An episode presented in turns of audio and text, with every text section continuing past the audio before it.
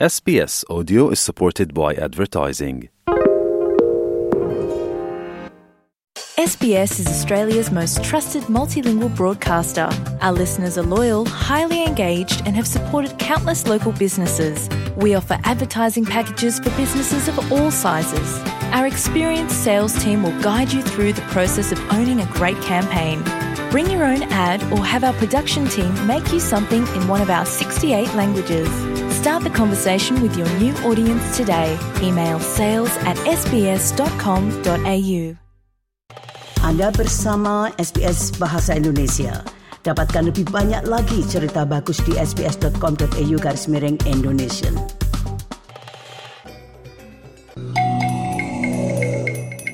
Jika Anda baru saja bergabung, Anda bersama SBS Audio Program Bahasa Indonesia. Nah, selanjutnya kita akan mengalih ke topik yang lain, di mana untuk siang hari ini saya ingin mengangkat masalah spiritualitas, keimanan, dan agama. Nah, untuk membahas masalah itu, kami mengundang Bapak Nuim Hayat. Beliau mantan pimpinan dan broadcaster Radio Australia. Selamat siang Pak Nuim. Selamat siang. Dan di jalur yang lain yaitu Profesor Greg Barton dari Institut Alfred Deakin di Universitas Deakin. Beliau profesor untuk bidang politik Islam global dan juga Dr. Balthasar Kehi yaitu mantan dosen falsafah di Universitas Melbourne.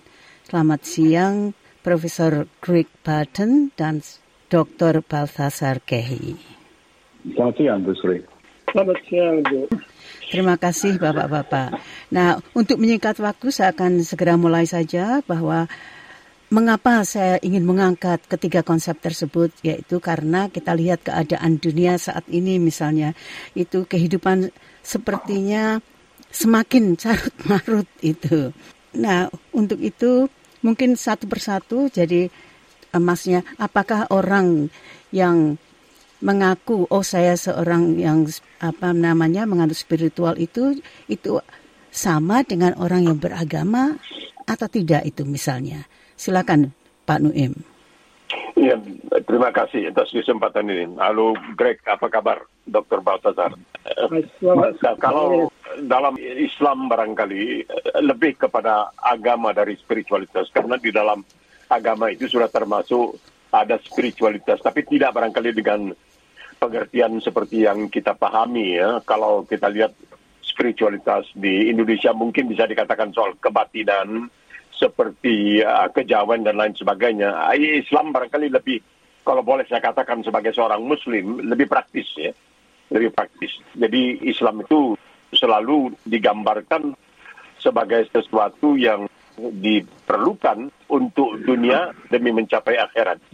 Jadi payah untuk memisahkan Islam dengan hal-hal lain karena Islam itu selalu dikatakan sebagai amar ma'ruf nahi mungkar artinya menyuruh orang berbuat baik, melarang orang berbuat jahat. Ya itulah kira-kira kesimpulan dari Islam itu sendiri.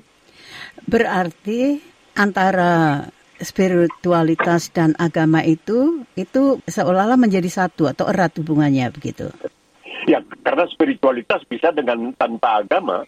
Jadi di dalam Islam itu selalu dikatakan bahwa sufisme itu juga merupakan bagian dari spiritualitas ya, tetapi itu bagian kecil dari Islam.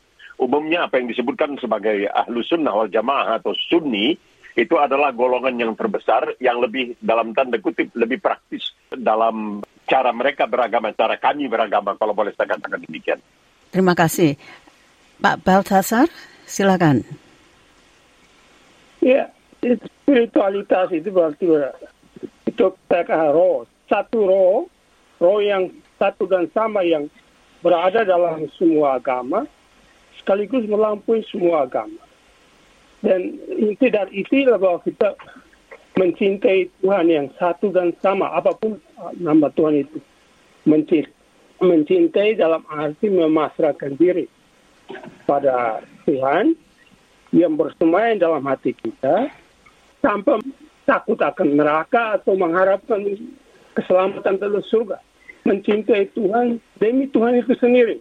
Karena Tuhan itu adalah segala-galanya. Itu Tuhan itu adalah kebahagiaan yang kita cari di dunia, eh, di dunia ini dalam hal-hal yang sementara yang kita tidak bisa temukan. Kebahagiaan di dunia ini datang dan pergi. Suka dan duka ya silih berganti. Mengapa saya tanyakan itu?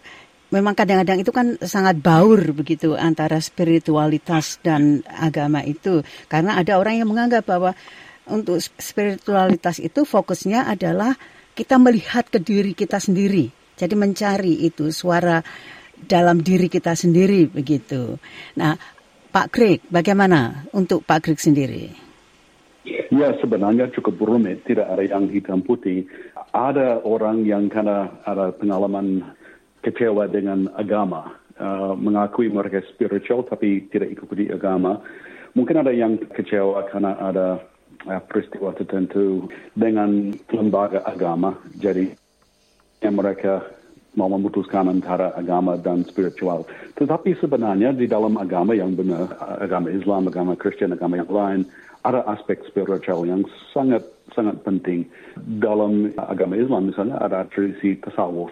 Nah, ada antara yang di dalam umat Islam yang lebih cenderung memperhatikan tasawuf dan uh, aspek sufi. Ada yang merasa tidak terlalu tertarik atau kurang familiar. Tetapi ya harus diakui bahwa, bahwa aspek spiritual sangat penting. Kalau kalau kita lihat istilah spiritual atau kepercayaan atau agama, harus lihat konteksnya. Konteks orang yang mengakui spiritual tapi bukan agama, uh, spiritual but not religious misalnya, harus difahami perspektif mereka. Karena istilah dengan sendirinya kurang begitu jelas dan sudah pasti tidak ada definisi yang yang hitam putih. Nah sekarang saya tambahkan lagi yaitu faith atau keimanan itu sendiri. Bang Nuim silakan. Hmm. Kalau keimanan itu di dalam Islam adalah menerima menerima segala apa yang ada di dalam kitab suci Al-Qur'anul Karim itu sebagai sesuatu yang benar dan itu yang datang dari Allah Subhanahu wa taala dari Tuhan disampaikan kepada Rasulullah sallallahu alaihi wasallam Nabi Muhammad oleh Jibril alaihissalam selama jangka waktu 23 tahun, 13 tahun di Mekah, 10 tahun di, di Madinah. Jadi itulah iman itu mempercayai segala yang ada di dalam Al-Quranul Karim dan mengatakan bahwa tidak ada Tuhan kecuali Allah. Jadi oleh sebab itu menjadi seorang muslim harus dimulai dengan syahadah yang mengatakan asyhadu an la ilaha illallah wa asyhadu anna muhammadan rasulullah. Saya bersaksi tidak ada Tuhan melainkan Allah dan saya menerima Rasulullah sebagai uh, utusan, sebagai messenger, kalau dalam bahasa Inggrisnya sebagai rasul. Menariknya di sini dan karang jarang disebut. Ini yang kadang-kadang membuat uh, banyak orang agak uh, kurang serk dengan dengan Islam. Seakan-akan Islam itu boleh menjelekkan agama lain padahal tidak boleh. Dalam Al-Quran sudah diatur. Kalau boleh itu ayatnya mengatakan, wala tasubul ladina yad'una min dunillah. Jangan sekali-kali kamu mengata-ngatai ya sesembahan orang lain. Jadi artinya Islam itu mengatakan agama aku untuk aku, agama kamu untuk kamu, ya sudah, kita bergandengan tangan tidak apa-apa.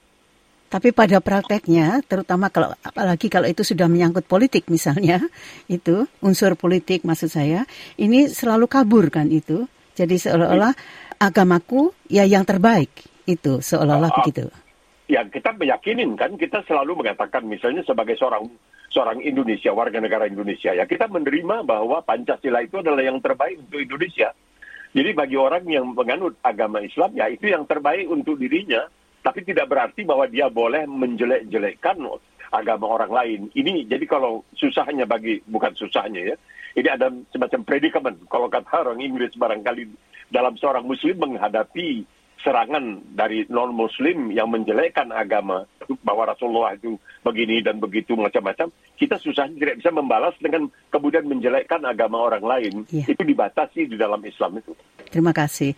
Nah, kadang-kadang faith atau keimanan itu, itu kan juga dikatakan, loh ya saya mau punya keimanan kok. Karena keimanan yang dimasukkan di sini itu adalah bahwa apa ya, adanya unsur percaya. Bahwa saya percaya pada sesuatu dan eh, kalau kalau dalam bahasa Inggrisnya ada juga confidence begitu itu yang kembali lagi kepada kepercayaan itu sendiri dan dikaitkan dengan ya mudah-mudahan itu memang akan bagus begitu loh. Jadi walaupun belum diterima, bagaimana Pak Baltasar? Ya, masalah inti dari agama itu itu adalah Tuhan yang satu dan sama dalam berbagai berbagai agama dan seperti Pak katakan ya, dalam Islam kita menghormati jalan yang dijaki oleh orang lain dan tidak menghina atau jalan saya ya ini ini jalan yang terbaik untuk menghadap Tuhan yang satu dan sama yang disebut tidak ada Allah selain Allah hanya satu satu satu Tuhan. Itu dalam agama Hindu juga sama itu satu Tuhan. Bahwa ada yang lain itu bahwa Tuhan kadang-kadang menampakkan diri dalam bentuk manusia untuk mengajar manusia entah itu dalam eh, siwa atau Brahm, uh, Brahman atau Wisnu ya itu juga, juga dalam Kristiani ya sama apa dengan Yesus jadi iman kepada Tuhan yang satu dan sama yang bersemayam dalam diri setiap manusia. Ya itu menghormati yang lain, itu jalannya yang, yang dia memilih bahwa itu terbaik untuk untuk mengapi menyembah Tuhan, untuk mencintai Tuhan. Ya, Profesor Craig Barton. Jadi seperti saya katakan tadi bahwa kalau faith atau keimanan itu, itu kan seringnya di, dimaksudkan atau banyak orang yang mengartikan bahwa ini adalah suatu apa sesuatu yang saya percaya, sesuatu yang saya ya ya percaya ini sayangnya kalau dalam bahasa Indonesia sulit sekali karena tapi kalau dalam bahasa Inggris mungkin kita bisa mengatakan bahwa apa uh, faith is all about having trust, confidence and belief in something that we hope for but haven't yet received. Jadi kalau di bahasa Indonesia kan ya kembali ke masalah percaya, saya percaya, saya percaya kan begitu itu. Ya memang uh, sebenarnya tidak ada banyak perbedaan antara dari segi ini dari agama Kristen dan dan Islam misalnya. Uh, yang pokoknya uh, menurut tradisi agamanya orang harus siap untuk menyerahkan dirinya pada Tuhan Allah. Kalau hanya memikirkan kehendak sendiri, uh, tidak tidak mau percaya pada Allah dan tidak mau mengikuti apa namanya instruksinya, berarti itu cuma manusia yang yang apa namanya tidak mau menerima yang diminta oleh pencipta. Tetapi dengan uh, menyerahkan diri pada Tuhan Allah, uh, ada kepercayaan bahwa uh, akan terima rahmat, akan dibantu asal sudah siap untuk terima perintah dari dari uh, dari Tuhan. Jadi maksudnya ini bisa menjadi sesuatu yang sangat dalam dan sangat berarti yang ada dampak pada akhlak dan uh, pada watak orang ataupun uh, orang bisa memakai istilah seperti imam atau uh, faith untuk melarikan diri dari instruksi dari apa nama tradisi yang tidak tidak diinginkan. Jadi harus dilihat dalam konteksnya uh, pokoknya. Nah, saya masih ingin mendalami lagi itu bahwa ini spiritualitas itu seolah-olah ini saya mengatakan seolah-olah bagi mereka yang yang menganutnya atau yang mempercayainya itu seolah oh masih ada kebebasan itu loh maksudnya. Tapi kalau kalau agama itu kan sudah menurut suatu artinya itu sudah terorganisir atau strukturnya itu sudah benar-benar mapan itu. Jadi dengan segala kepercayaannya dan juga sikap dan sebagainya itu. Sehingga makanya kadang-kadang kita merasa bahwa itu sedikit berbeda. Begitu Pak Greg. Ya, memang tergantung pada orang dan uh, pada sikap orang. Ada orang yang mengakui bahwa ikuti agama secara tradisional, menghormati uh, tradisi, pengajaran, doktrin dan segalanya. Dan mereka tidak ada keberatan dengan lembaga. Tapi orang itu bisa punya apa namanya uh, keyakinan yang sangat dalam dan bisa ada akhlak dan watak yang yang luar biasa. Orang yang, ya pokoknya harus rendah hati, murah hati, mau membantu orang lain, memikirkan orang lain, penuh dengan cinta. Tetapi juga ada orang yang mengakui uh, beragama tetapi tidak ada isinya, semuanya kosong. Yang ada cuma bungkusnya tanpa isinya. Jadi sangat tergantung pada orang. Yang, yang, yang pokoknya jelas itu isinya. Kan? mungkin saya mencari bahasa yang sangat sederhana itu. Kadang-kadang kan ini bisa dikatakan atau orang bisa mengatakan bahwa kalau spiritual itu katakanlah itu semacam inclusivity, inklusif gitu. Jadi siapa saja tidak pandang bulu begitu. Tapi kalau agama itu jelas sudah ada sudah ada doktrinnya, sudah ada apa ajaran-ajarannya begitu. Bagaimana Pak Nuim? Dan tidak juga, itu seperti saya katakan tadi, yang dikatakan oleh Greg menyebut tasawuf ya. Jadi dari perkataan sufi menjadi tasawuf, itu ada orang-orang di dalam Islam yang memang mengaku sebagai sufi dan mereka itu dianggap lebih toleran dan lain sebagainya dan mereka itu dianggap lebih banyak hanya ingin mendekatkan diri kepada Tuhan, tidak ingin mendekatkan. Sedangkan bagi umumnya umat Islam itu dikatakan, ya mendekatkan diri dengan Allah SWT itu penting. Tetapi juga tidak bisa melupakan manusia yang hidup di sekitar kita. Jadi saya, ada satu hadis, ada satu hadis yaitu um, apa yang pernah terjadi di zaman Nabi Muhammad SAW. Ketika Rasulullah mendapati seseorang, dia boleh dikatakan terus-terusan di dalam masjid Sampai waktu itu ditanya oleh Nabi, kau kenapa di dalam nesbri? Oh, saya tidak mau dunia. Saya hanya menginginkan akhirat. Jadi Nabi menanya, kamu makannya dari mana? Oh, ada saudara saya katanya. Dia tuh kurang beragama, ya dia salat, dia puasa. Tapi dia tidak seperti saya, dia bekerja. Jadi dia yang kasih makan saya. Ya, Nabi Muhammad mengatakan, orang itu lebih muslim dari kamu. Karena dia tidak melupakan dunia dengan ketika mengejar akhirat.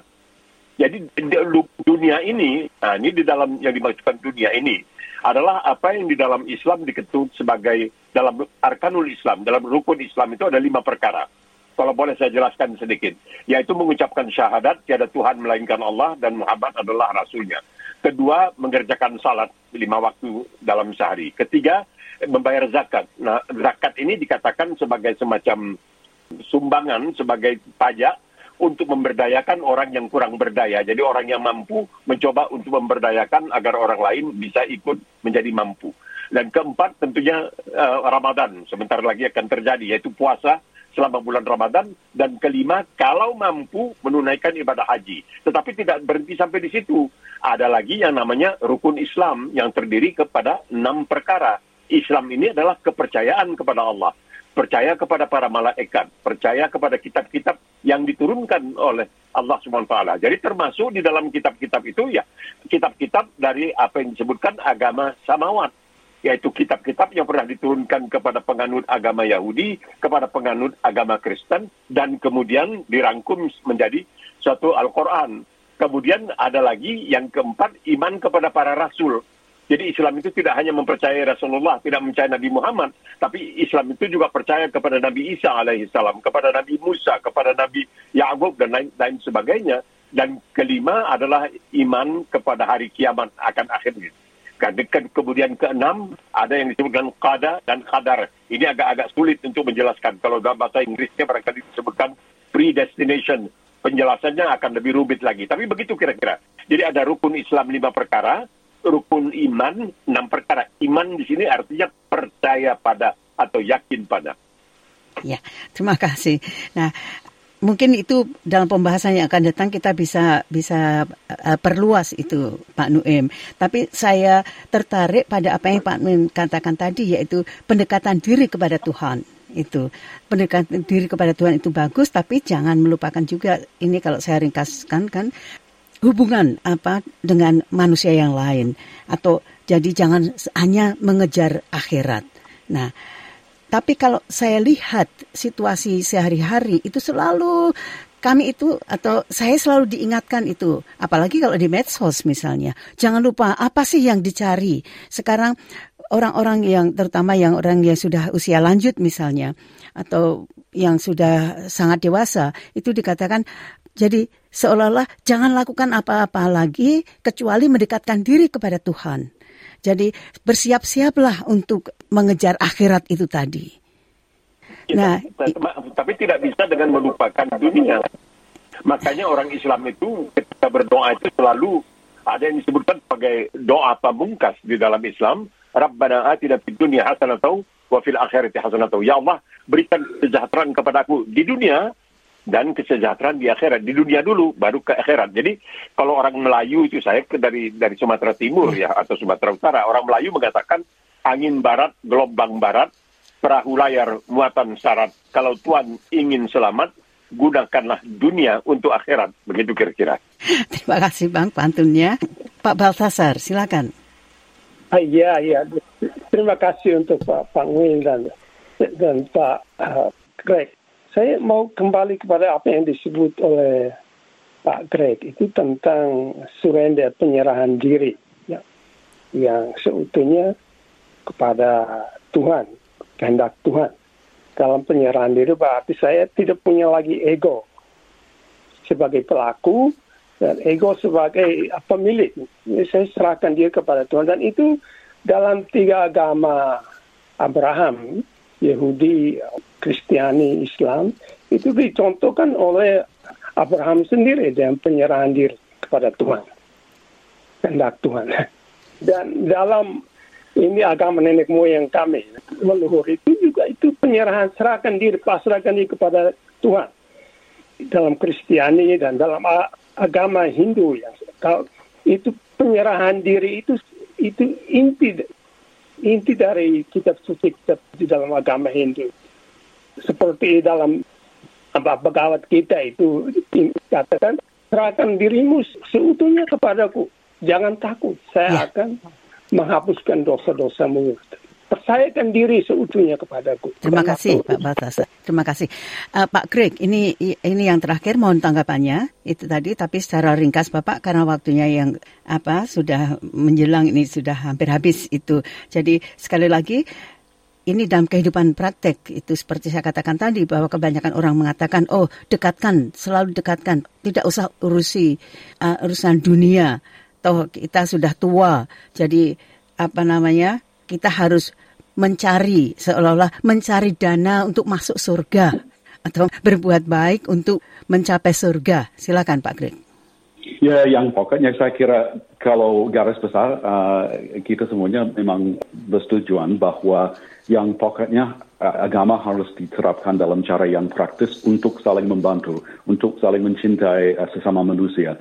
Jadi kalau ada uh, kalimat-kalimat yang yang cantik tapi tidak ada penerapannya, kalau orang yang mengakui ada imam ada kepercayaan begini tetapi tidak mencintai pada sama manusia, agaknya tidak ada artinya walaupun mungkin sebagai orang yang menjadi lebih tua kita fokus pada ya, akhirat dan memikirkan tentang uh, dunia yang akan datang, kita harus tetap saling membantu, tetap saling uh, mencintai, men menyayangi orang lain uh, dalam cara yang betul-betul apa namanya manusiawi. Uh, ya manusiawi. Ya, kalau tidak ada ada ekspresi yang praktik itu tidak ada artinya. Terima kasih sekali lagi kepada Profesor Craig Barton, Bapak Nuim Hayat, dan juga Dr. Baltasar Kehi atas penjelasannya tentang konsep spiritualitas agama dan keimanan itu. Selamat sore. Selamat sore. Selamat sore. Selamat sore. Selamat sore.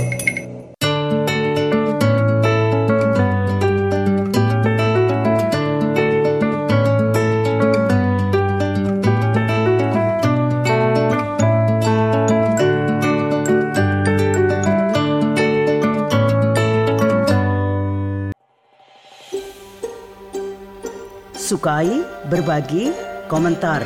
Ikuti SBS program Bahasa Indonesia di Facebook.